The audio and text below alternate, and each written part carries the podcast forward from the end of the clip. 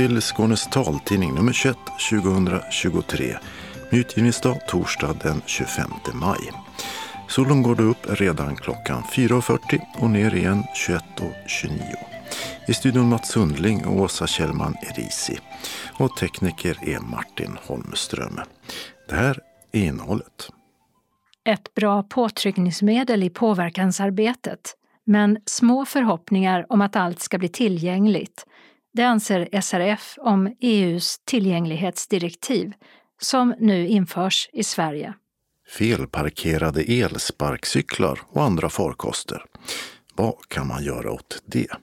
Aktivisten Helena Frank har hittat en metod. Turkiet vann guldbollturneringen Malmö Lady Intercup. Maten har blivit dyr, men visst går det att äta både billigt och gott. Vi ska hem till kocken Patrik Engfors som delar med sig av sina matlagningstips. Barndomsminnen, borttappade minnen och lite fågelsång väntar i månadens talbokstips som kommer från Helsingborgs stadsbibliotek. Öppnat och stängt med blommor, kläder och klassiska kaféer. Evenemangstips med strandhugg, dansband och bilbingo. Och kalendern med fotbollsfinaler och kunglig kortege. Anslagstavlan med meddelanden och ändringar i kollektivtrafiken. Idag med tre lokala tavlor. Och allra sist redaktionsrutan. Flera varor och tjänster ska bli tillgängliga för personer med funktionsnedsättningar. Det är syftet med EUs tillgänglighetsdirektiv som trädde i kraft för ett år sedan och ska tillämpas fullt ut från juni 2025. För några veckor sedan beslutade också den svenska riksdagen att tillgänglighetsdirektivet ska införas i Sverige. Henrik Götesson är intressepolitisk handläggare i Synskadades riksförbund som hoppas speciellt på vissa delar av direktivet. Ja, vi hoppas framförallt att banktjänster och eh, e-handeln kommer att bli mer tillgänglig. Direktivet omfattar också bland annat eh, betalkortsterminaler som börjar bli ett allt större problem. Men risken är att, att prekskärmsterminaler kan räknas som tillgängliga men vi hoppas även på förbättringar där också. E-böcker omfattas också av direktivet. Det är lite oklart hur det kan genomföras i Sverige med, med tanke på grundlagen och så. Men så är det i alla fall. Och det finns också vissa andra tjänster, men det är väl där, kanske på de områdena som vi hoppas att det ska ändå ge viss effekt. Biljettautomater? Vi får se hur pass man kan göra en biljettautomat eller självbetjäningsautomat tillgänglig. Vi har sett lite lösningar, men en utmaning är att alla automater ser olika ut så du måste liksom veta exakt hur, hur just den här automaten fungerar även om det finns standarder och så. så vi får se hur långt man kan komma där. Det här direktivet säger ju i princip att, att det ska vara tillgängligt, men det tror ja. inte ni riktigt ja. på. Alltså, frågan är hur det kommer att fungera med tillsynen. Det finns ganska mycket kryphål. Till exempel så um, får det inte kosta för mycket. Och um, man behöver förändra en produkt väldigt mycket för att den ska bli tillgänglig så kan det också göras undantag. Jag tror man ska ha um, begränsade förväntningar men det är i alla fall ett bra sätt att, eh, när vi driver påverkansarbete att vi kan hänvisa till direktivet och det kan vi göra redan nu. Vi kan se att snart kommer det här och eh, jag menar man, man gör inte det här över natt. Så på det sättet är det, är det bra. Nej, man gör det inte över en natt precis. Det är två år tills det ska vara i skarpt ja. läge. Och en orsak till att det är så och att direktivet egentligen började gälla redan 2022 det är ju att branschen ska kunna förbereda sig. Vi ser ju att banker jobbar mer och mer med tillgänglighet. Men vi har inte sett samma effekt när det gäller e-handeln som har en hel del att göra. Det kan skilja sig väldigt mycket beroende på butik. Och idag så väljer man kanske vad man handlar beroende på tillgänglighet och inte beroende på utbud och pris så jättemycket. Så där ser jag väl äh, stora förbättringsmöjligheter men också kanske små utmaningar. Hade ni hoppats på mera eller? Ja, framför allt så är det ju synd att direktivet är konstruerat så att om det skulle komma någon form av ny produktkategori eller nya tjänster så gäller inte direktivet där. Man räknar upp ett antal kategorier och det är där det gäller. Ja, direktivet innehåller en lång och detaljerad lista över vad som ska vara tillgängligt. Förutom det nämnda återfinns bland annat datorer, men där tror inte Henrik Götesson att det blir någon skillnad. De europeiska tillgänglighetskraven kommer inte att bli hårdare än de som finns i USA. Dessutom innehåller listan modem, internetuppkoppling, elektroniska programguider, biljettförsäljningstjänster och mycket mer. Men det finns också delar av tillgänglighetsdirektivet som är frivilliga för de olika EU-länderna.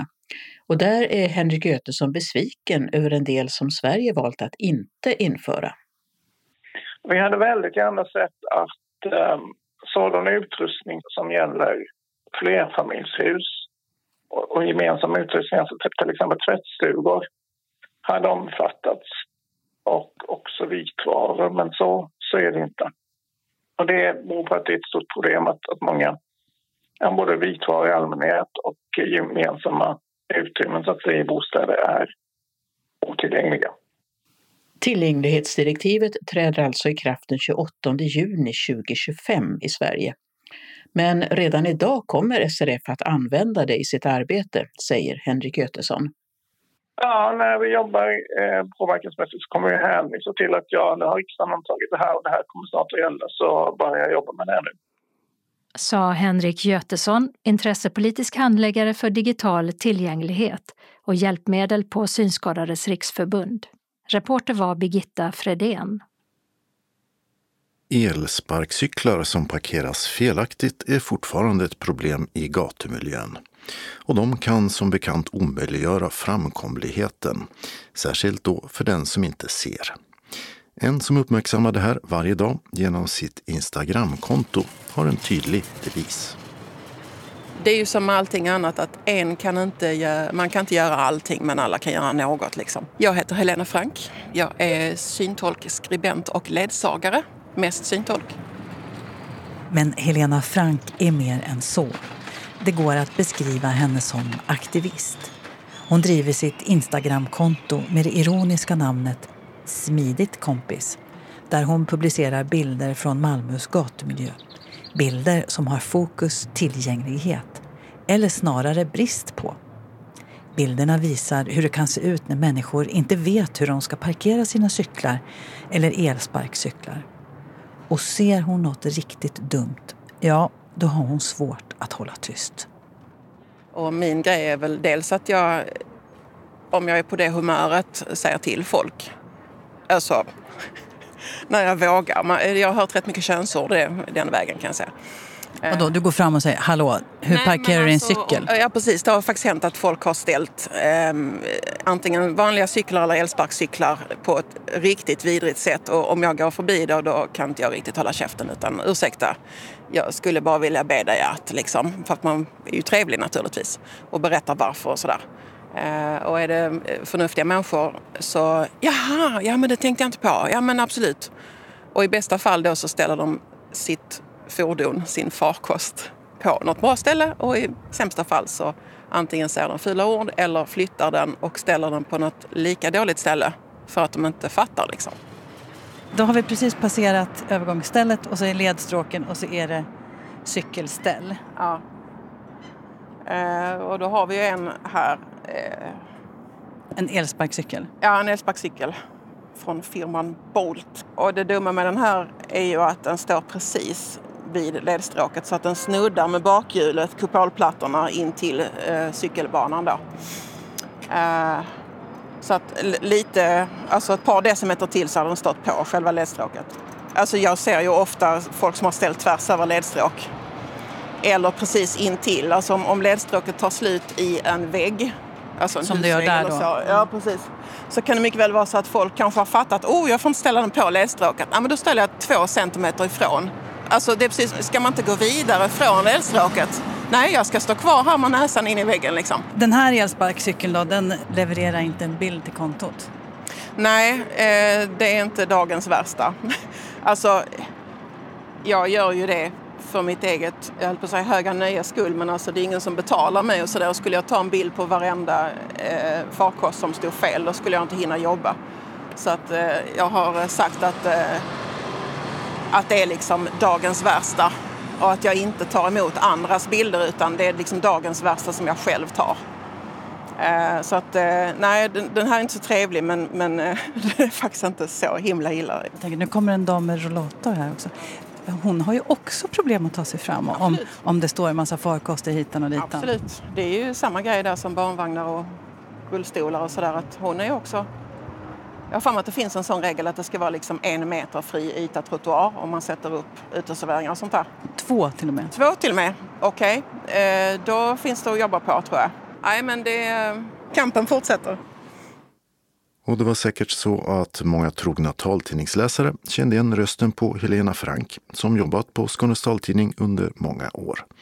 Det var reporter Agneta Nordin som träffade henne. Turkiet vann den stora goalballturneringen Malmö Lady Intercup som spelades i FIF-hallen i Malmö i helgen. I finalen slog världsettorna Turkiet världsfyrorna Israel med 13-9 och gick obesegrade genom turneringen. Medan Brasilien i bronsmatchen slog de mesta mästarna USA med 4-2. Fjolårets mästarinnor Japan fick se sig utslagna redan i gruppspelet. Tio landslag möttes i turneringen som hölls för 22 gången. Sverige har sedan 2019 inget damlandslag som kunde försvara de svenska färgerna. Nästa år är det Paralympics och OS i Paris, men de franska goalballdamerna verkar ha långt till toppformen. De kom på sista plats i turneringen efter att ha förlorat alla sina matcher. Vi har tidigare berättat om den ideella föreningen All of Kindness i Dalby som delar ut bananlådor med mat som skänkts av affärer till de som inte har råd att köpa. Och Patrik Engfors, som för några år sedan var en av finalisterna i matlagningsprogrammet Sveriges Mästerkock, gör titt som tätt ett antal recept på vad som kan lagas av det som finns i veckans matlåda. Och sen lägger han ut recepten i en speciell Facebookgrupp där de som får lådan kan inspireras av recepten och ett foto av den lagade maträtten. Vi besökte Patrik Engfors i hans kök i ett radhus i Dalby. Och intresset för matlagning, det har funnits länge. Jag är väl nästan så intresserad man kan bli. Jag har varit ända sedan barnsben. Och det var väl det som gjorde att jag blev anmäld till Sveriges Mästerkock också. Att, att jag, jag lever mycket mat, det gör jag. Lagar mat varje dag. Och åker jag på utflykt så är det alltid något ställe som har med mat att göra. Antingen någon, någon restaurang eller någon liten gårdsbutik eller någonting. Så det är en röd tråd, verkligen. Var kommer intresset ifrån? Jättesvårt att säga. För det, jag har liksom alltid haft det. Jag skulle inte säga att det är upptränat på något sätt. Sen under min uppväxt lagade man ju mat hemma alltid, i vår familj i alla fall, från grunden. Inte så mycket för att man tyckte det var roligt, tror jag, utan mer för att det var det sättet man fick ekonomin att gå ihop. Att man gjorde saker från grunden, då blev det billigare. Men jag har alltid tyckt om själva hantverket med matlagning och, och skapa någonting på det sättet.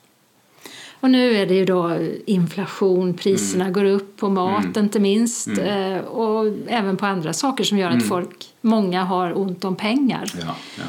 Om man då ska skapa en bra, lättlagad, billig måltid, mm. hur svårt är det? Billig är ju alltid relativt men man kan skapa god mat för ganska lite pengar skulle jag säga. Där är de självklara sakerna som när man är i affären till exempel så finns där ofta en liten hylla med råvaror som har lite kortare datum kvar, grönsaker som kanske är, ser lite tråkigare ut som man kan få lite billigare. Och det är inte alltid sämre. Mycket, både frukt och grönsaker, är som bäst innan de blir dåliga. Jag tycker det är likadant med en köttbit också. En bit nötkött till exempel kan faktiskt vara godare när det är kort tid kvar och då kan man få den lite billigare. Annars är ju tipset att koncentrera sig på det som är i säsong skulle jag säga. Vi har ju här i Sverige fantastiska råvaror och det varierar lite grann under året också vad som faktiskt är i säsong. Och det som är i säsong det är både det som är godast och det som faktiskt är billigast oftast. Men du hjälper också Wall of Kindness med att sätta ihop recept mm. efter den mm. mat som ligger i deras eh, lådor för mm. veckan. Mm. Vad är det du kan få in till exempel? Ja, det, det, är lite blandat faktiskt i de här lådorna. Där är väldigt mycket kyckling, grillad kyckling. Så det har blivit en del recept med grillad kyckling. Sen är det alla möjliga sorters köttdetaljer. Det, det, det är allt från köttfärs till faktiskt lite finare kött och det, det har väl kanske att göra med att det är sämre tider så, så folk kanske inte har råd att köpa de här fina köttbitarna så de går ut i datum och då får man dem i lådan också så där kan vara allting. Och, och grönsaker, mejeri, ost, allt möjligt kan det vara i. Men grillad kyckling, då tänker jag på Flygande Jakob och sen mm. är det stopp. Ja, det är väl ungefär så Flygande Jakob och sen så kan man ju då äta den kall och varm som den är. Det är, väl, det är väl det man tänker på först. Men en kyckling kan man göra väldigt mycket av. Pastarätter till exempel. Du kan använda en färdiglagad kyckling och, och, och matcha den med lite grönsaker och lite mejeri. Man kan göra paj. Kycklingpaj är ju jättegott. Då kompletterar man kycklingen kanske med lite lök, lite svamp och gör en pajdeg. Mjöl och vatten bara. Så, så får man en jättegod middag. De recept du gör, ska de vara på något speciellt sätt?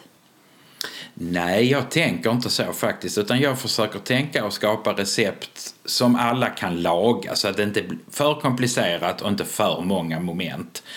Och sen samtidigt få lite variation i det så att det inte blir samma sak alltid. Men jag tror man behöver lite hjälp ofta, om man inte är så van matlagare, med vilka smaker som passar ihop och vad man kan blanda och så här. Så att man, man lite inspiration också så att man går ifrån det här vanliga man gör. För annars gör man alltid samma tre, fyra rätter som man snurrar runt på.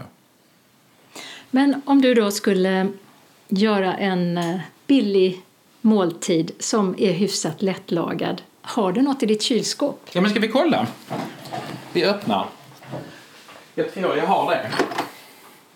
Vi kan titta här i grönsakslådan. Här har jag en påse med champinjoner som jag har köpt för 59,95 kilot. Och där är nog några stycken kvar som ser kanske lite, de ser helt okej okay ut. Så de hade jag nog tagit. Du, det är väldigt fullt i ditt kylskåp. Ja, det är ju det. Jag borde ta tag i det kanske. Här är ungefär jag vet inte, tio olika buljonger till exempel. Ja. Men det, det, är faktiskt en bra smaksättare att ha också, en sån här fond. Det, det gör underverk för maten faktiskt. Som du ser här är en liten sardellkräm också. Det är kanske ingenting alla människor har men sardellen är ju också sprängfylld med umami precis som svampen. Så den hade vi faktiskt kunnat ta tillsammans med, med champinjonerna här. Är inte den dyr då? Kostar 30 kronor ungefär en sån här tub skulle jag säga. Man använder inte hela tuben. Jag skulle nog säga att det här är ett billigt sätt om man gillar att använda sardeller. Till skillnad från att köpa en burk med sardeller så måste man antingen använda alla eller så blir det till att kasta. Den här håller, man kan använda en liten klick åt gången. Så om vi gör ett recept här med, med champinjoner och sardellkräm så, så använder vi nog sardellkräm för 2 kronor kanske. Men gillar man inte sardeller hoppar man över det. Här är en vitlök också som jag har börjat på. Det kan man också ta. Och sen behöver man faktiskt inte så mycket mer. Nu har jag lite vispgrädde här också. Den hade jag nog tagit och, och använt mig av. Men, men sen inte mer. Och så en paket pasta. Här har jag en linguini. Ja. Alldeles utmärkt. Och då bara gör man så att man steker upp svampen. Nu hade vi jag vitlök, man kan ta en annan lök också med lite lök i.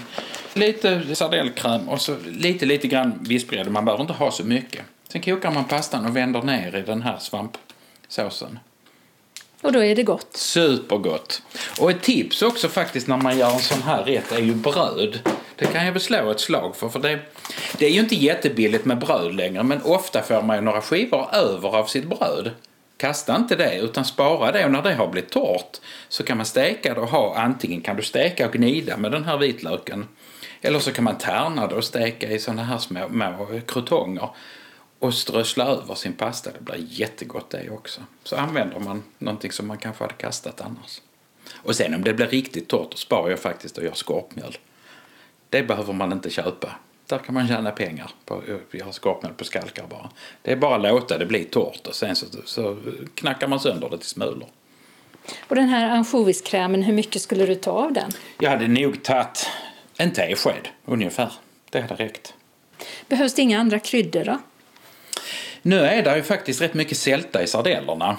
Har man svartpeppar är det alltid jättegott. Kan vara lite salt. Inte någonting annat egentligen behövs. Det, det räcker. Har du något tips på något annat? Mm, kan vi, ska vi titta i kylen? Varmrökt sidfläsk. Det är ju superbra. För det behöver man inte så mycket av. Varmrökt sidfläsk smakar väldigt mycket. Dels är det rökt men sen är det också ganska fett och då, då, blir det mycket smak i det. Så det kan man ju göra något mer åt, åt husmanskosthållet skulle jag säga. Nå någonting som är fantastiskt gott som man ofta har grejer till hemma är ju en raggmunk. Det är jättelätt att göra. Jag vet att många inte gör det men mjölk hade vi här. Potatis har jag nog i skafferiet skulle jag tro. Ja då. Här hade vi en skånsk dittapotatis. Ett par stycken potatisar, lite mjölk och ett par ägg. Och sen har man en matberedare eller en sån här mixer så kastar man bara ner allting i mixern, kör igång så du får en slät smet. Och sen steker man de här i smör eller olja i pannan. Och så steker man fläsket. Brukar jag göra i ugnen numera, det är ett litet tips. Lägg ett bakplåtspapper på en plåt och så lägg ut fläsket och så in i ugnen på 200 grader så blir fläsket så där precis krispigt som det ska vara och golvet blir inte så halt som det blir när i alla fall jag steker fläsk på stekjärnet. Du menar att det skvätter så mycket så golvet så mycket. blir... Alltså både, både tröja och golv och spis och överallt sprätter det. Så i ugnen blir det mycket, mycket bättre och det blir perfekt för varje gång. Och det fina är att man kan göra det i ugnen samtidigt som man steker raggmunkarna på spisen. Men om du då inte ser så bra, hur vet du när fläsket är klart? Då gör du så att du sätter in det på ugnen 200 grader och så sätter du en klocka på 10 minuter och så tar du ut det. Funkar varje gång. Och raggmunken, hur, eh, hur mycket steker man dem? Ja, medelvärme så skulle jag väl säga en minut på varje sida ungefär. Det räcker. Det gör det. Då blir det gott. Och om man vill laga raggmunkar som Patrik Engfors gör så är hans recept till fyra portioner 1 kilo potatis, 2 ägg, 2 deciliter vetemjöl, 3 deciliter mjölk, salt, en nypa socker och ett paket rimmat fläsk och smör. Och så här gör du. Sätt ugnen på 200 grader, lägg ut fläskskivorna på ett bakplåtspapper på en plåt och stek i ugnen i 10 till 12 minuter. Blanda alla ingredienserna till raggmunkarna till en smet den behöver inte vara helt slät. I en blender eller mixer. Hetta upp en panna på ganska hög värme, 6 till 7 av 9 på spisen. Ta en klick smör eller lite olja i pannan och häll i smet och stek raggmunkarna. När smeten har stelnat vänder du och steker den andra sidan. Servera raggmunk tillsammans med fläsk och lingonsylt. Och om du inte har tillgång till mixer eller blender så går det bra att istället blanda ägg, vetemjöl, mjölk, salt och socker till en jämn smet och riva potatisen och vända ner i smeten. Men tillbaka till de recept som Patrik Engfors allt som oftast gör utefter de matlådor som Wall of Kindness delar ut. Jag har ju fått en inblick i hur folk verkligen har det när, sen jag träffade Linda och fick ta del av deras arbete. Och det, det tror man kanske inte när man går här i sin vanliga vardag att det faktiskt finns så mycket utsatta människor som har hamnat mellan stolarna utan att det är någons fel. Utan att liksom man behöver lägga skuld på något utan det blir fel bara. Och, och tycker jag att har man tid och möjlighet så ska man hjälpa till. Och så känns det bra för mig också. För min skull så mår jag bra av att kunna göra någonting. Finns det något recept som du har kommit på som du tyckte blev lite extra bra? Jag har ju min, min lilla testpanel här hemma. Jag har ju två tonåringar som inte är hemma nu. Och eh, förra lådan jag fick, där fick jag en entrecote. Sån här som sjöng på sista versen. Och så fick jag pitabröd och så fick jag lite laktosfri crème fraîche. Så jag strimlade den här entrecoten, stekte upp den tillsammans med lite grönsaker som jag hade hemma, också lite sånt som, sjönk på sista versen faktiskt. Och så gjorde jag en sås på den här crème tillsammans med lite vitlök, lite dill och lite persilja som jag hade i frysen. Och så baka på de här bröden och servera då köttet som jag hade stekt upp med lök och grönsaker tillsammans med såsen. Och det blev populärt kan jag säga. Det slickades som munnarna här.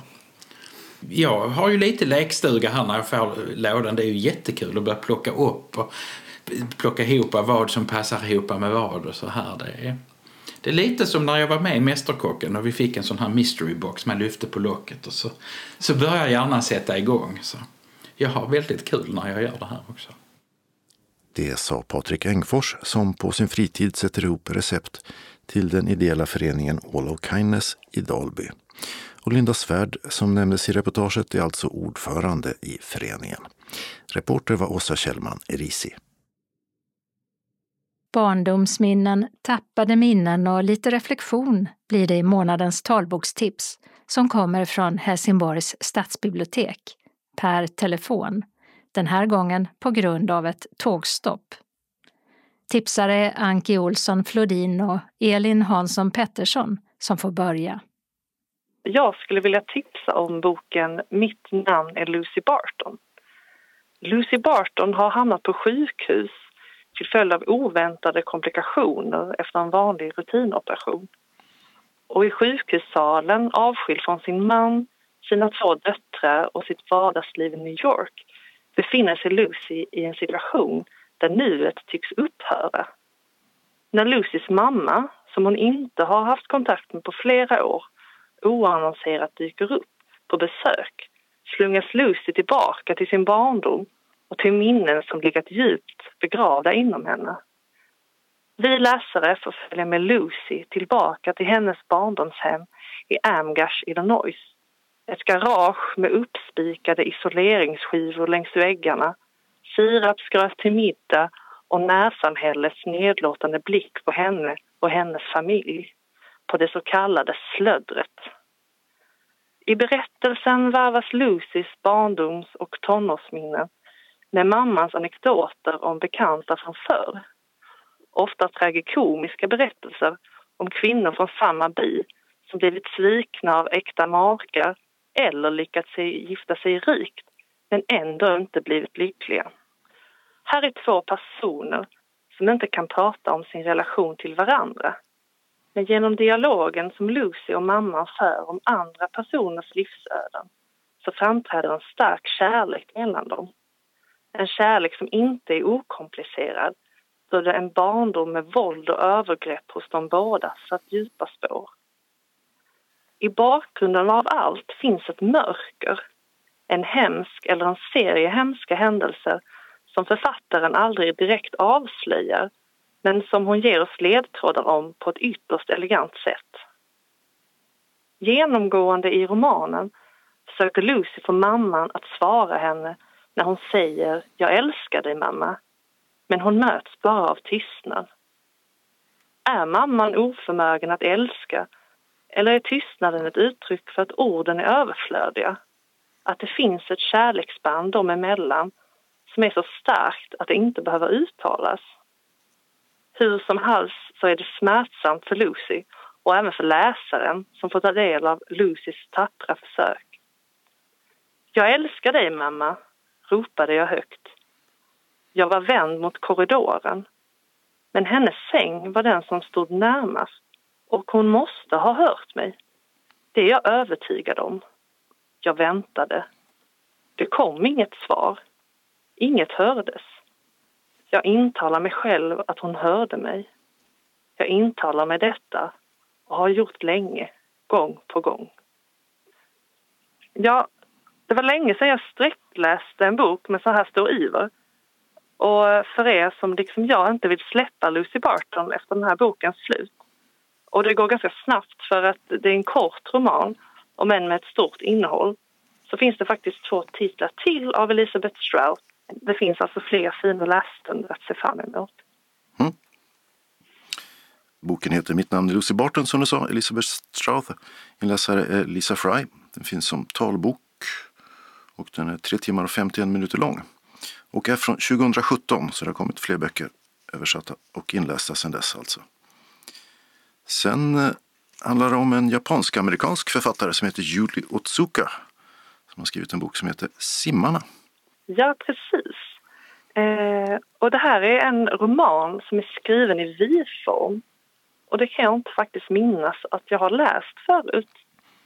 Och här får vi följa människor som man av olika anledningar sökt sig till en rätt så nedgången simhall när verkligheten utanför tycks övermäktig och oförståelig. Här finns eh, den före detta OS-medaljören som alla beundrar i tystnad. Stammisarna som tittar snett på engångsbesökare som inte förstår de oskrivna reglerna. Han med hjärtesorg, hon med en framgångsrik karriär, fattiga och rika, gamla och unga. Ja, ett litet samhälle i miniatyr helt enkelt. Alla simmar på som vanligt då det plötsligt en dag upptäcks en spricka i bassängens botten. Experter kallas in för att åtgärda problemet, men utan resultat. Bland simmarna sprids oron. Kommer simhallen behöva stänga? Vart ska de i så fall ta vägen? Vissa väljer att lämna simhallen i förtid, ser det som ett tecken på att göra något nytt med sitt liv. Andra simmar på och kämpar till slutet då badvakten blåser i visselpipan och ber alla stiga upp ur bassängen för den allra sista gången. I den andra delen av romanen så byts berättarperspektivet. Nu får vi följa Alice, en av personerna vars liv vi fått se glimtar ur i romanens första del. Alice, född i Japan och bosatt i USA sedan flera år tillbaka, insjuknad i demenssjukdom och vi får följa med på den hjärtskärande resan in i glömskan genom hennes dotters ögon.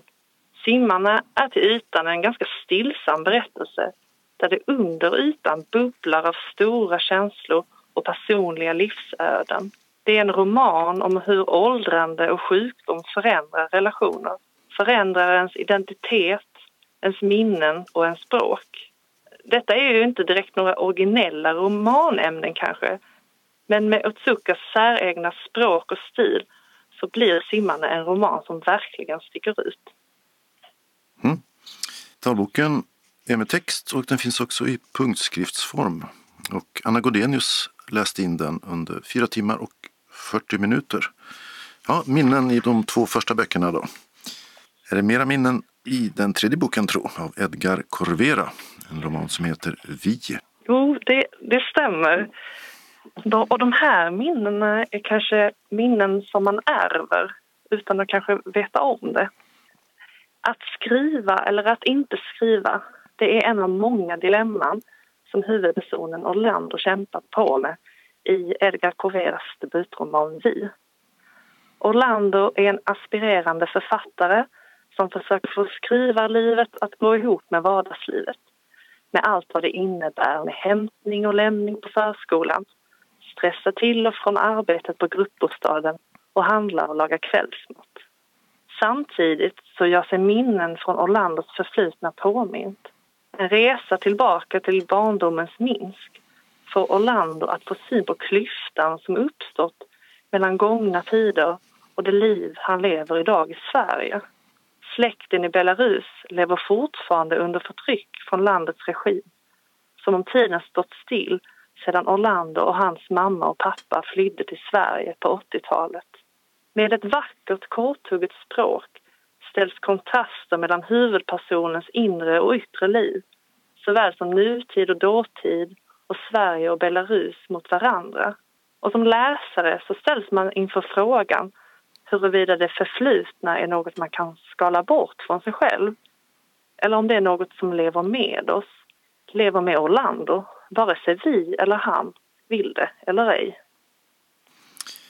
Den här boken finns som talbok med text inläst av Åke Lindgren i drygt tre timmar och så finns den också i punktskrift. Och som alla har hört då så gör vi det här på telefon och det är av tekniska skäl kan vi säga. Tågtrafiken fungerade inte alls som vi ville när det var dags att åka till Helsingborg och spela in. Så det blev på det här viset istället. Ja. Och då har turen kommit till Anke Olsson Flodin. Var sitter du idag? Jag sitter på Stadsbiblioteket på andra våningen och där har vi en terrass för personal där vi har utsikt över sundet. Så det är en jättefin plats att sitta på idag. Mm, man hör lite fågelsång i bakgrunden tror jag. Ja, precis. Och det kan väl också passa till ett av mina boktips, tänkte jag. Jaha. Ja, men då låter vi dig börja. Varsågod. Ja, tack. Eh, Den här boken, Meter i sekunden, kom ut 2021 men den förtjänar att lyftas. Här har vi äntligen en bok som har både djup och humor. Ett danskt par i 30-årsåldern flyttar till västra Jylland. Mannen är lärare och har fått jobb på folkhögskolan i Velling. Hans fru Trine, bokens huvudperson, har inget jobb. Hon är hemma med parets ettåring. Folkhögskolans rektor, en karg kvinna i övre medelåldern, gör vad hon kan för att få Trine att bli en del av det lilla samhället.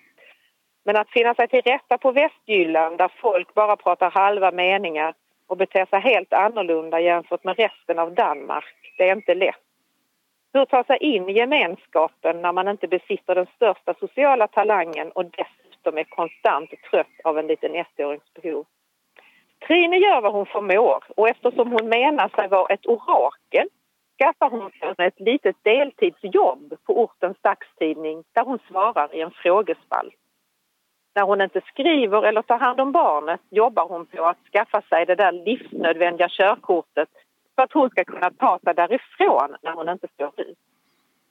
Full pott på teorin, men vad hjälper det när körningen aldrig fungerar och körlektion läggs till körlektion? Och så livet på folkhögskolan. Den läsare som gått en folkhögskola kommer att känna igen sig direkt.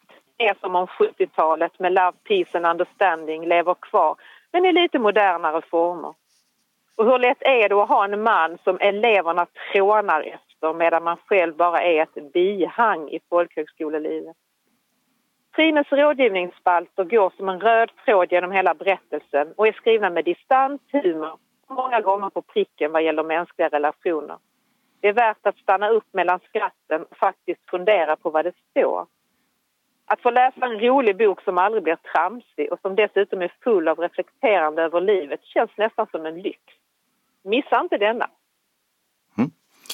Eh, boken är alltså skriven av Stine Pilgård, heter Meter i sekunden och inläsaren är Anna Godenius i talboken.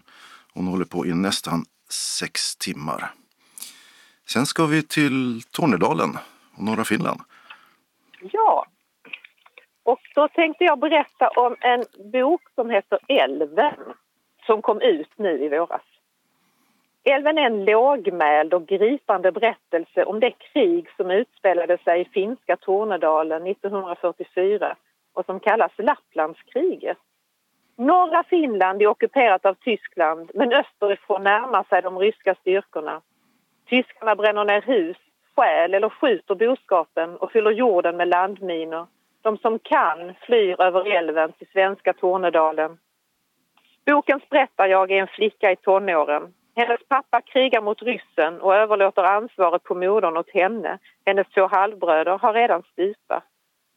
Mamman ger sig av före dottern tillsammans med farbrodern. Vart vet hon inte. Förutom oron för vad kriget ska föra med sig oroar hon sig för sin mor som är psykiskt sjuk och möjligen inte i stånd att ta hand om sig själv. Hon bär på en tung börda när hon tillsammans med några jämnåriga från de övriga gårdarna lyckas ta sig över älven. De blir satta i ett svenskt uppsamlingsläger där de får genomgå läkarundersökning, avlusning för att så småningom utrustas med flyktingpass under det halvår hon lever som flykting är det framförallt boskapen och naturen som håller henne upprätt. Boken innehåller många fina naturskildringar. Naturen är hela tiden närvarande, precis som korna och den råtta som blir hennes husdjur. Under läsningens gång väntar jag hela tiden på att dramatiken ska stegras och att jag inte ska orka läsa om allt det hemska.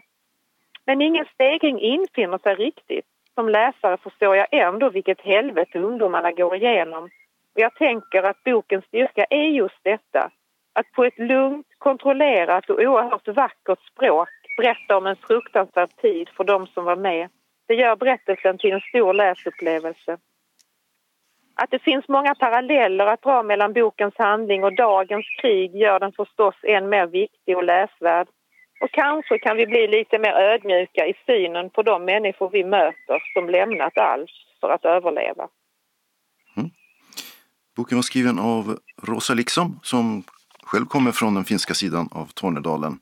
Älven heter den och är inläst av Ylva Törnlund som håller på i 8 timmar och 15 minuter.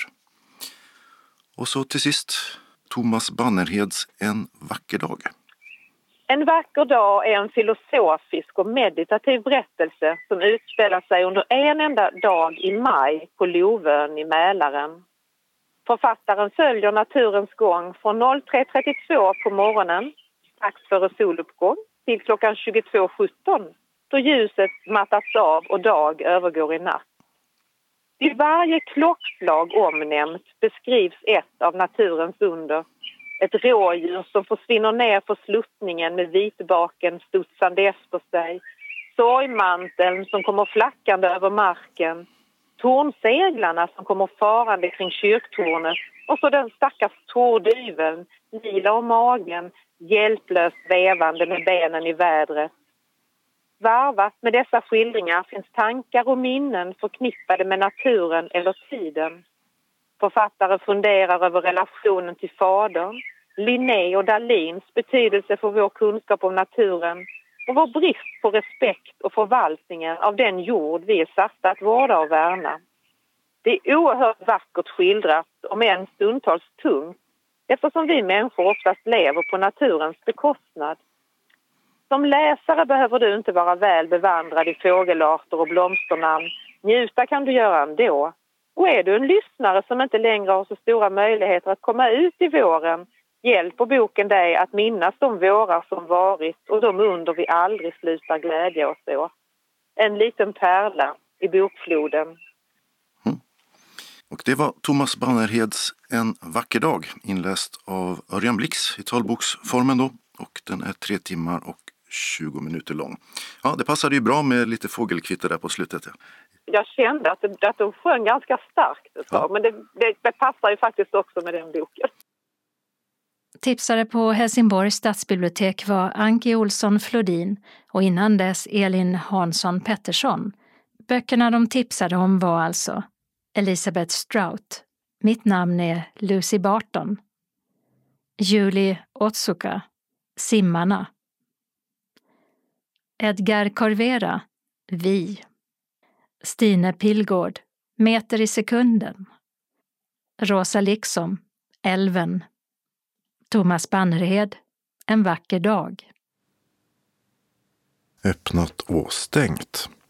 I Ekeby i Bjuvs kommun har familjecentralen flyttat till nya lokaler på Storgatan 46. Där finns en öppen förskola, familjestöd, barnavårdscentral och barnmorskemottagning. I Degeberga har en dansbana invigts i Pulsbyn som är en social mötesplats och ett idrottsområde. Adressen dit är Tingsvägen 66. I Klippan öppnar Willys en 3000 kvadratmeter stor livsmedelsaffär på Fabriksallén 3. I Hässleholm och Osby har de klassiska konditorierna Bjärnors på Första Avenyn 4 och runt knuten på Västra Järnvägsgatan 29 med samma ägare gått i konkurs. Men kaféerna drivs vidare i ny regi, nu under namnet Konditori Linnea, som de kommer att heta på båda orterna. I Helsingborg har Suegas klassiska café och butik på Drottninggatan 30 öppnat igen efter att ha varit stängt ett tag för renovering. Nu heter det Café 1886 och har plats för dubbelt så många gäster som tidigare. Förägaren Nestlé la ner men helsingborgarna protesterade vilket ledde till att fyra lokala entreprenörer tog över kaféet och butiken som funnits på samma plats sedan 1901. I Helsingborg på Väla centrum vid entré 5 har damklädesbutiken Best of Basic öppnat sin första skånska filial. De säljer kläder för alla slags kroppar och är framförallt specialister på byxor. I Eslöv har Alex blomsterhörna öppnat på Malmgatan 6 där blomsterhörnan låg tidigare. Och förutom att sälja blommor kommer den nya ägaren också att arrangera olika kurser. Exempelvis i hur man gör ett enklare blomsterarrangemang. I Åhus har den kinesiska restaurangen 34 öppnat på Köpmannagatan. I Glemmingebro öppnar Asian Corner i en ny lokal efter att de fått lämna den gamla macken där de tidigare höll till. Den nya adressen är Österleden 1321. de har också hemkörning av mat. I Trelleborg ska inredningsbutiken Fira på CB Frisgatan 13A ha börjat med sin utförsäljning inför att de stänger och framöver enbart satsar på webbförsäljning. I Kristianstad har Skandiamäklarna öppnat ett kontor vid Lilla Torg. Adressen är Västra Storgatan 42 och tidigare fanns jeansbutiken Gise i lokalerna i många år. Och i Strövelstorp i Ängelholms kommun finns ett nytt utegym i anslutning till Strövelstorps idrottsplats. Adressen dit är Sportvägen 6. Evenemangstips. Och vi börjar med ett tips från syntolkning.nu om en kommande livesyntolkning. Och I Skåne handlar det om Fredriksdalsteatern i Helsingborg där Eva Rydberg säger tack och hej efter många år med Nils Poppes sommarkomedi Två man om en änka. Och den syntolkas den 27 juli men även den 3 augusti klockan 19 till 21.30. Vill man ta del av syntolkningen ska man samlas 60 minuter före föreställningen börjar vid vänstra entrén. Biljetterna kostar 495 kronor och köps av syntolkning.nu. Har man bokat egna biljetter och vill ta del av syntolkningen så går det bra, men då ska man beställa en gratis mottagare. För mer information kontakta syntolkning.nu antingen på mejl boka syntolkning.nu eller på telefon 031 360 8445. Det går att spela bilbingo på många platser runt om i Skåne under sommaren. Och här är några av platserna. På Skillinge idrottsplats spelas bilbingo på måndagar från och med den 29 maj varje måndag klockan 18.30. I Tomelilla spelas bingo varje tisdag samma tid på bingofältet Svampabanan. I Klippan är det söndagar klockan 14 som gäller för bilbingo med start nu på söndag den 28 maj. Och platsen är Forsby IP. Och i Knislinge spelas bingo varje onsdag från och med denna veckan klockan 18.30 på Knislinge IP. I Tivoliparken i Kristianstad blir det liksom tidigare somrar musikaliska strandhugg i sommar med flera artister som uppträder. Det börjar den 1 juni då sångerskan Pernilla Andersson är huvudartist. Det blir också final i musiktävlingen P4 Nästa. Den 8 juni blir det storbandsjazz och marschtakter med Åhus blåsorkester. En vecka senare, den 15 juni, kan man lyssna till experimentell och traditionell svensk folkpop när det Malmöbaserade bandet Crying Day Care Choir uppträder. Torsdagen den 22 juni är det Hemvärnets musikkår som spelar. Kristianstad stadsmusikkår kommer därnäst den 29 juni. Den 6 juli blir det Rockabilly Fabulous. Massor av ös, glitter och kvinnlig power utlovas. Två veckor senare, den 20 juli, är det bandet Dönaberga som publiken får lyssna till. Då bjuder lokala musiker på irländskt sväng på skånska. Och den 10 augusti är det jazzartisten Amanda Ginsburg som sjunger. Hon sjunger bland annat sånger av låtskrivare och sångare som Olle Adolfsson, Monica Zetterlund och Beppe Wolgers. Och avslutar de musikaliska strandhuggen i sommar, det gör Kristianstads storband den 17 augusti. Alla evenemangen är på Tivoliscenen och börjar klockan 19 och håller på till klockan 20. Förutom den 1 juni då programmet börjar redan klockan 18. För samtliga strandhugg gäller att det är fri entré. Det händer mycket på Dag Hammarskjölds Backåkra som ligger nära Löderup. Först invigs en fotutställning den 3 juni klockan 15. Att inte tynga jorden heter den och utgår från Dag Hammarskjölds intresse för fjällen och naturen och klimatkrisen är ett genomgående tema. Senare i sommar blir det en samtalsserie med samma fokus på klimatet. Den 15 juli berättar Staffan Karlsson om sin nya bok Helgon och maktspelare, Dag Hammarskjöld som politiker. Följt av landskapsantikvarie Eva Selin som talar om Dag Hammarskjölds fjällliv och natursyn med glimtar ur vardagslivet. Den 12 augusti är det författaren Mats Söderlund som samtalar om sin bok Härlige jorden, om fjällen, vädret och allt det som ännu ej gått förlorat. Och sist i samtalsserien, där alla samtal börjar klockan 17, är det Per Holmlund, professor i glaciologi, som föreläser lördagen den 26 augusti om våra lappländska glaciärer i ett allt varmare klimat. Några dagar senare, den 2 och 3 september, är det litteraturfestivalen Backåkra poesi och prosa. Och också här är det klimatkrisen som står i centrum. Det blir workshops, författarsamtal och öppen scen. Några som deltar är Pierre Schori och författaren Marie Lundqvist. Entrékostnad till föredragen 200 kronor och det är ett begränsat antal platser och man anmäler sig till mejladress info dhbackakra.se. Laurie Anderson, som just nu är aktuell med sin konst på Moderna Museet i Stockholm, kommer till Malmö Live med bandet Sex Mob den 15 juni klockan 19. Förutom sångare och konstnär är hon också kompositör, författare och regissör. Hon kommer att framföra musik ända från debutalbumet Big Science till de senaste inspelningarna med New York-bandet Sex Mob. Biljetterna som säljs av Malmö Live kostar från 545 till 595 kronor. Dansbandet Lasse Stefans startar sin sommarturné den 29 juni klockan 19.30 i Huaröd och då får danssugna bland annat höra Huarödslåten på Huaröds idrottsplats. Det finns både lyssnarplatser och mindre dansbanor för spontandans. Biljetterna kostar 495 kronor, men för barn upp till och med 12 år är priset 50 kronor.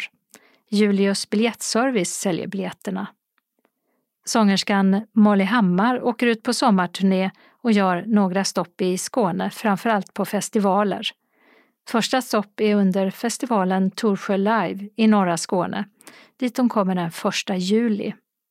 Den 20 juli är hon på Åhus Beach. Den 29 juli klockan 19.30 kommer Molly Hammar till Bjärred station i Bjärred. Och här kostar biljetterna 650 kronor och åldersgränsen är 18 år. Biljetterna säljs av bland andra Ticketmaster. Och sista stopp den 26 augusti på Trädgården festival i Kristianstad. Den alldeles nyligen Polarprisbelönade stjärnan Angelique Kidjo ger en konsert på Malmö Live tillsammans med Malmö symfoniorkester under ledning av Gast Waltzing den 19 oktober klockan 19. Hon kommer från Benin i Västafrika och har gett ut 16 album sedan debuten.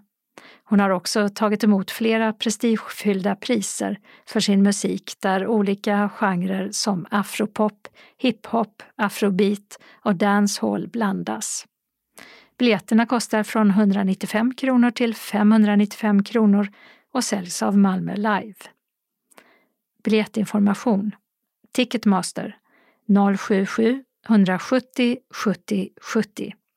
Kulturen i Lund 046 35 04 00.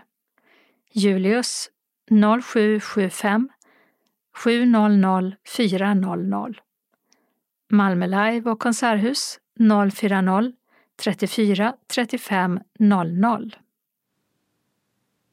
Kalendern för vecka 22 börjar med måndagen den 29 maj då Yvonne och Jeanette har namnsdag och det är även annandag pingst som fram till 2005 var en röd dag. Och i riksdagen är det interpellationsdebatt där energi och näringsminister Ebba Busch, Kristdemokraterna, bland annat ska svara på en fråga om gasstöd till hushållen från riksdagsledamoten Olle Möller, Socialdemokraterna. Han undrar bland annat om ministern kommer att vidta några åtgärder för att kompensera de helsingborgare som inte får något gasstöd på grund av att de tvingats flytta före utsatt datum eller bytt till någon alternativ energikälla men haft dyra kostnader för gasen före bytet. Och debatten som börjar klockan 11 sänds direkt via riksdagens webb-tv. Det är den internationella dagen för FNs fredsbevarande personal och så är det även veterandagen som är en flaggdag. För 70 år sedan blev den nyzeeländske bergsbestigaren Edmund Hillary och den nepalesiske sherpan Tenzing Norgay det första som med säkerhet besteg världens högsta bergstopp, Mount Everest, i Himalaya i Nepal. Tisdagen den 30 maj är det Vera och Veronica som har namnsdag. Eftersom Sverige är ordförandeland i Europeiska unionens råd hålls det möte i Malmö för direktörer inom ramen för EUs gemensamma jordbrukspolitik under två dagar. Det är 125 år sedan poeten och författaren Hjalmar Gullberg föddes i Malmö. Under nästan 15 år var han chef för Radioteatern och Dagens dikt var han en drivande kraft bakom och valde ofta vad som skulle läsas i det här programmet som fortfarande pågår. Dessutom var han ledamot av Svenska Akademin från 1940 fram till sin död 1961. Hjalmar Gullberg studerade i Lund och var också redaktör för tidningen Lundagård. I Malmö finns Hjalmar Gullberg-sällskapet och ett av hans mest kända verk som han skrivit texten till och Lars-Erik Larsson musiken till är Förklädd Gud. En svit som uppfördes första gången den 1 april 1940, mitt under andra världskriget.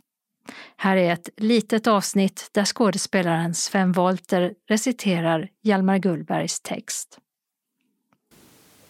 Bland tjänstefolket vandrar han förklädd Längst ner vid bordet är hans sked och skål. Bland kreatur i ladan är hans bädd. Han äger inget jordiskt föremål. I hedekappa går en gud förklädd. Onsdagen den 31 maj firar Petronella och Pernilla namnsdag. Det är hundra år sedan först Rainer den tredje av Monaco föddes. I och med giftermålet med den amerikanska skådespelerskan Grace Kelly blev han uppmärksammad runt om i världen. Han var förste i dryga 55 år fram till sin död 2005. Det är också den internationella dagen mot tobak. Torsdagen den 1 juni är det Gun och Gunnel som har namnsdag och det är mjölkens dag. Dagen firas sedan 2001 på initiativ av FNs livsmedels och jordbruksorganisation för att uppmärksamma mjölkens betydelse för folkhälsan. Litteraturvetaren och författaren Ebba Witt-Brattström fyller 70 år. Hon är professor i nordisk litteratur och var med och startade det politiska partiet Feministiskt initiativ. Häromåret kom hennes uppmärksammade bok Århundradets kärlekskrig ut som handlar om ett havererat äktenskap som förknippats med hennes exmake akademiledamoten Horace Engdahl. En annan som fyller jämnt 50 år är den tyska fotomodellen Heidi Klum som hunnit med mycket. Hon är programledare, skådespelare, designer och konstnär bland annat. Och så lite från Bondepraktikan som berättar att om juni följer på en våt maj kommer sannolikt en våt sommar.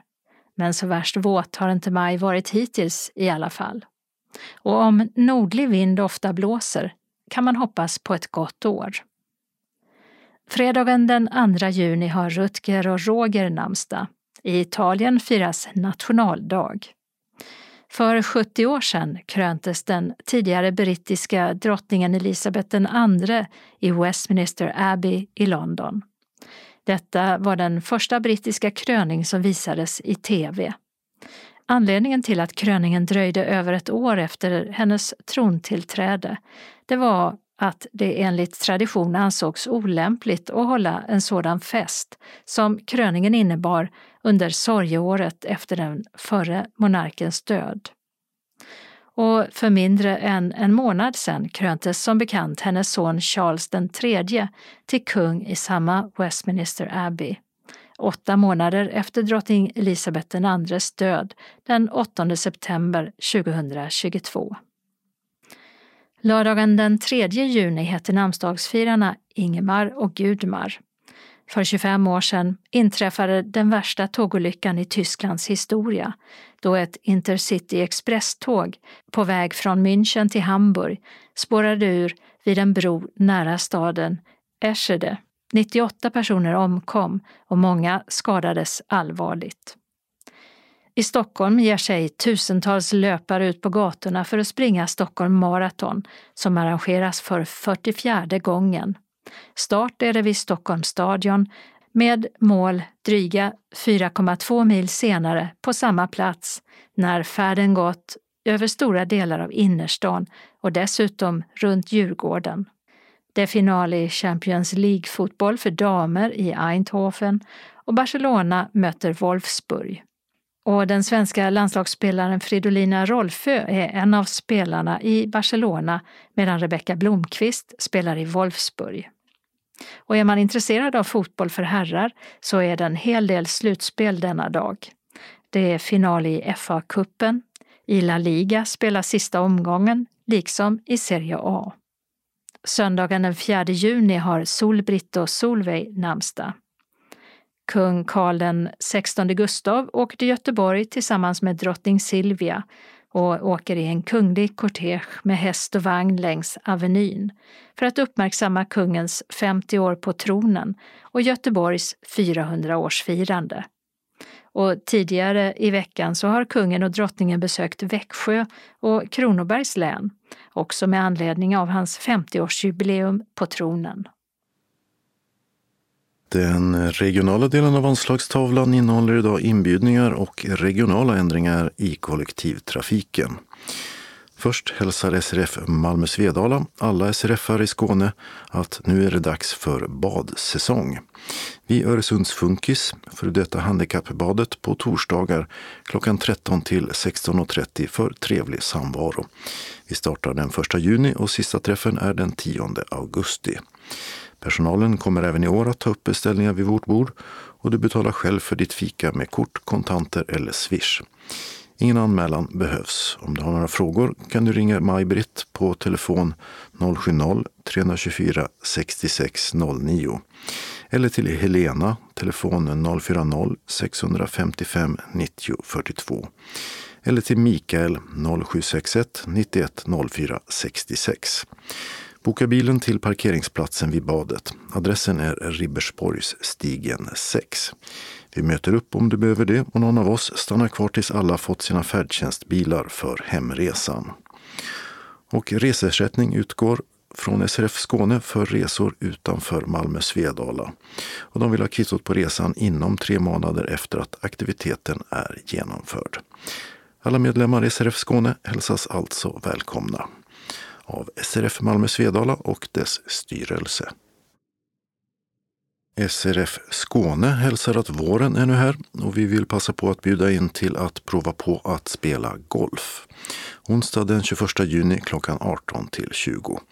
Vi träffas på Rya Golfklubb där vi får känna på och förhoppningsvis få känslan av att vilja lära mer. Vi kommer att försöka ha en hel dag för er som är intresserade i höst. Instruktör Måns Lundberg kommer att hålla i träningen och klubbor finns på plats. Vi avslutar med lite fika med smörgås och beräknad hemfärd klockan 20.30 till 21. Aktiviteten är kostnadsfri. Anmälan ska vara SRF Skåne tillhanda tidigast den 29 maj och senast den 9 juni. Anmäl er till skane srf.nu eller ring 040-777 75. Vid anmälan ange även om du behöver ledsagning och eller har specialkost. Adressen till golfklubben är Rya Golfbaneväg 20 i Helsingborg. Har ni frågor så kontakta gärna Maria Torstensson på mobil 0708 97 19 85 eller e-posta maria.torstensson srf.nu. Torstensson stavas med th i början. SRF Skåne har också en inbjudan till ett golfläger den 3 till 5 juli. Vi kommer att träna och spela golf på Degeberga Vittskövle Golfklubb där Måns Lundberg håller i träningen. Vi bor i fyrbäddsstugor på Degeberga stugeby några kilometer från klubben. Frukost och lunch anordnas på klubben. De middagarna bekostas av varje deltagare bestämmer vi själva hur vi gör med kvällsmaten. I stugbyn finns möjlighet till grillning. Har du som synskadad spelat golf och gärna vill utvecklas mer så är du välkommen in med din anmälan. I höst kommer vi även att anordna en heldag för nybörjare. Blir det för många anmälningar kommer vi att försöka anordna ytterligare ett läger senare. Vi behöver veta din synstatus för att kunna beräkna antal medhjälpare och eventuella matallergier. Finns möjlighet att ta med en egen medhjälpare så är det positivt. Den betalar då inte någon avgift. Kostnaden är annars per person 500 kronor. Vänta med inbetalningen tills du fått bekräftelsen så du vet att du kommer med. Du kan betala in anmälningsavgiften till bankgiro 484-0989 eller swisha 123 312 62 99. Glöm inte att skriva ditt namn och golfläger. Vill du ha en inbetalningsavi så säg till när du anmäler dig. Anmälan sker senast den 2 juni till SRF Skåne och det gäller bägge de evenemangen 040-777 75 eller e-posta skane srf.nu. Och för bägge evenemangen gäller att SRF Skåne står för reskostnaderna efter att kvitton inkommit senast tre månader efteråt och endast inom Skåne. Bor du utanför betalar SRF Skåne endast för kostnaden från länsgränsen. Vid annat färdsätt än färdtjänst eller kollektivtrafik måste godkännande från aktivitetsansvarig finnas. Och bekräftelse skickas ut efter sista anmälan. Vid frågor om golflägret ring John Ekström på 0739 09 39 45. Varmt välkomna önskar arbetsgruppen Sport och hälsa. Vi har några tillfälliga ändringar i den regionala kollektivtrafiken. Tågen först. I helgen är alla Öresundståg och Krösatåg inställda mellan Hässleholmsö och Älmhult från lördag morgon den 27 maj klockan 3.30 till en minut i midnatt på söndag. Anledningen är att man byter kontaktledningar och bussar ersätter. Och från söndag den 28 maj klockan 21 till måndag den 29 maj klockan 5 är pågatågen inställda mellan Kävlinge och Helsingborg. Och Öresundstågen inställda mellan Lund och Helsingborg. Bussar ersätter. Pågatågen mellan Kävlinge och Åstorp är inställda på grund av underhållsarbete under, som det heter, kvälls och nattetid från söndag den 28 maj till torsdag den 1 juni. Och tågen är sena kvällar och nätter också inställda mellan Hässleholm och Kristianstad från måndag den 29 maj till fredag den 2 juni mellan klockan 22.45 till 3.55 på morgonen. Bussar ersätter de inställda tågen. En regionalbussändring så. I Helsingborg asfalterar man om väg 111 mellan den 24 maj till 1 juni. Men bara mellan klockan 19 och 6 på morgonen. Under de tiderna är regionbuss 220 hållplats Lasarettet stängd med hänvisning till Helsingborg C, läge G. Stängda är också hållplatserna Olympia Park, Berga trafikplats och Berga Brohult. Resande mot Höganäs hänvisas till den tillfälliga hållplatsen Sundstorget läge X som ligger på Kungsgatan en bit norr om Helsingborg C. Och de som ska mot Helsingborg hänvisas till hållplatsen Sundstorget läge B. Anslagstavlan för sydvästra Skåne innehåller en rad inbjudningar från SRF Malmö Svedala och ett par lokala ändringar i kollektivtrafiken. Först välkomnar SRF Malmö Svedala till dagverksamheten. Måndag den 29 maj klockan 13 till 15 träffas vi och umgås med lite fika och diskuterar aktuella nyheter och läser lite ur tidskrifter. Ibland hinner vi även med frågesport. Tisdag den 30 maj klockan 13 till 15.15 .15 blir det bingo och fika. Och fikat kostar 10 kronor. Man anmäler sig till kansliet senast klockan 10 samma dag. SRF Malmö Svedala hälsar också välkommen att fira midsommar. Nu är sommaren här på allvar och det är dags för den sedvanliga midsommarfesten. Vi träffas onsdag den 21 juni klockan 13 i föreningslokalen på Wendelsfridsgatan 13 i Malmö. Det kommer att serveras matjessill med kokt nypotatis följt av färska jordgubbar med vaniljglass. Och det hela avslutas med en kopp kaffe. Alkoholhaltiga drycker betalas kontant på plats till självkostnadspris. Som medlem betalar du 150 kronor per person till föreningens bankgiro 192-9645 eller swisha till 123 077 80 50 senast torsdag den 15 juni. Övriga betalar 200 kronor. Glöm inte att skriva midsommar och namnet på deltagaren vid betalningen. Färdtjänsthem kan beställas till klockan 15.30. Och du anmäler dig till kansliet, telefon 040-25 05 40 eller mejl info srfmalmo.se senast tisdag den 13 juni. Glöm inte att vid anmälan meddela allergi specialkost om du behöver inbetalningskort. Hjärtligt välkomna önskar styrelsen.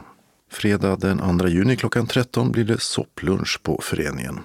Innan vi äter kommer Emily och informerar om Malmö kvinnojour. Denna fredag serverar vi ängamat, en klassisk rädd grönsakssoppa som rundas av med kaffe och kaka. Är du medlem får du det här för 50 kronor, övriga betalar 70. Och färdtjänsthem kan beställas till 15.30. Anmäl dig till kansliet senast tisdag den 30 maj. Varmt välkomna hälsar styrelsen.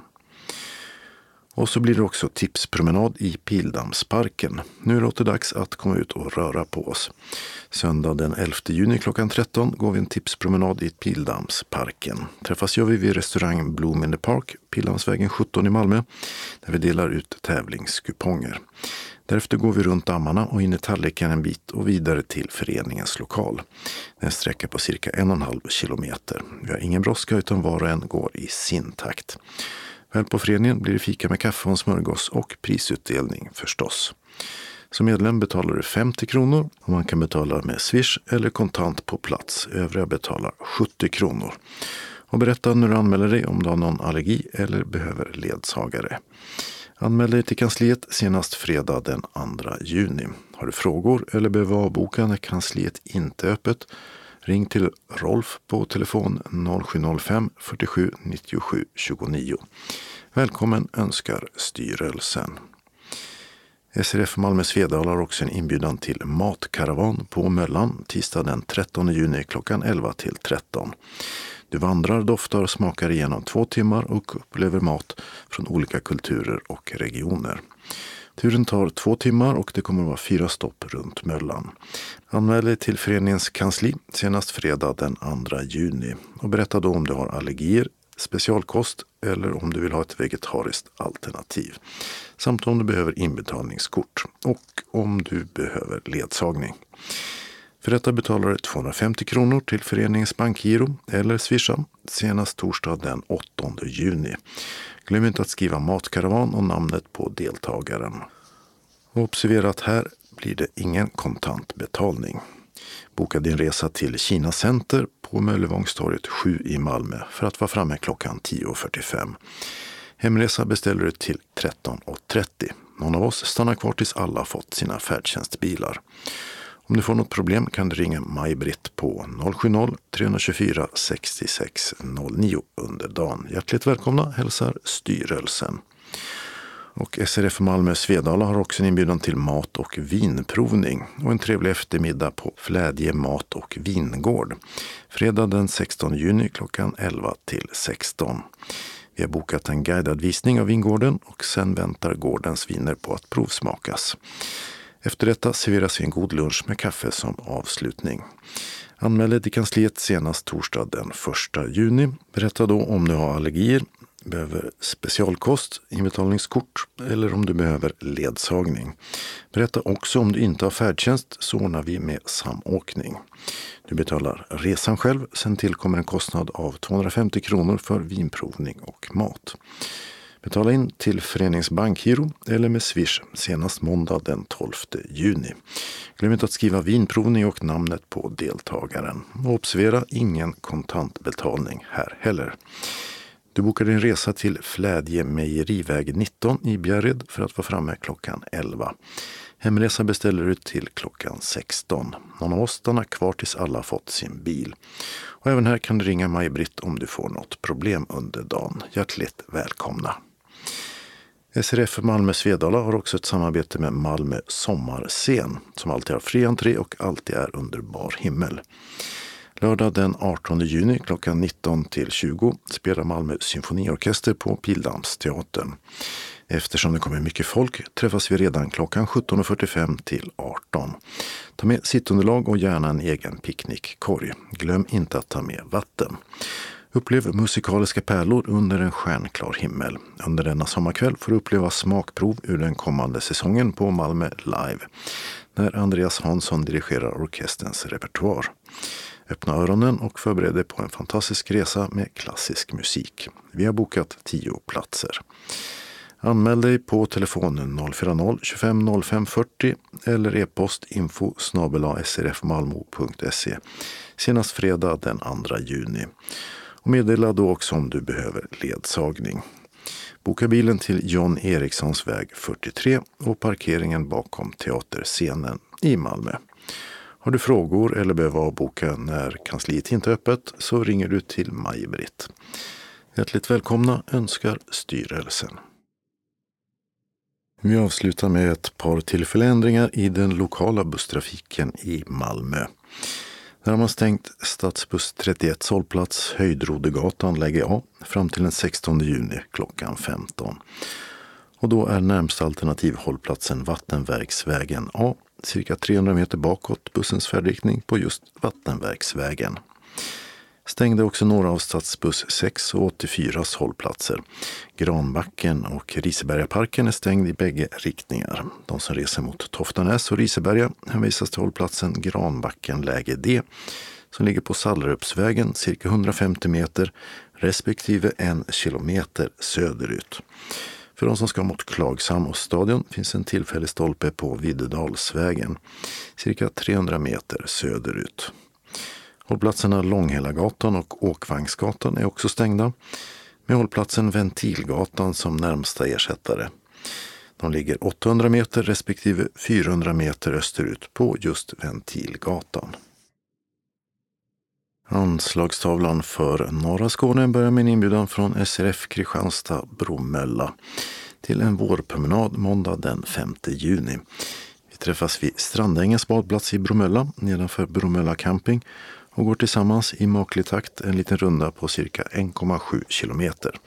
Rundan är enkel att gå med både skogsstigar och asfalterade sträckor. När vi har kommit i mål bjuder föreningen på grillad korv. Man bokar eventuell färdtjänst till Strandängens badplats på Strandängsvägen 35 i Bromölla, där det finns en parkering. Vi träffas där klockan 13 och beräknar hemfärden till klockan 16 från samma plats.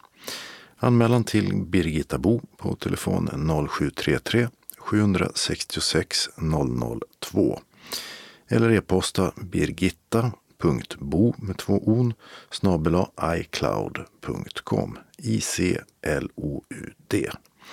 Anmälan vill vi ha senast den 31 maj och uppge då om du tror att du äter mer än en korv. Hjärtligt välkomna! SRF Kristianstad Bromölla bjuder också in till en resa till Almåsa den 8 till 15 juli då temat är skapande och kultur. Välkommen att följa med på en härlig sommarresa till SRFs egna havshotell vid Horsfjärden utanför Stockholm. Med på resan är även vår syntolk Eva Håkansson. Under denna veckan får du frossa i kultur i många former, konst, musik och litteratur. Du får skapa själv och även ta del av intressanta föreläsningar och kulturupplevelser.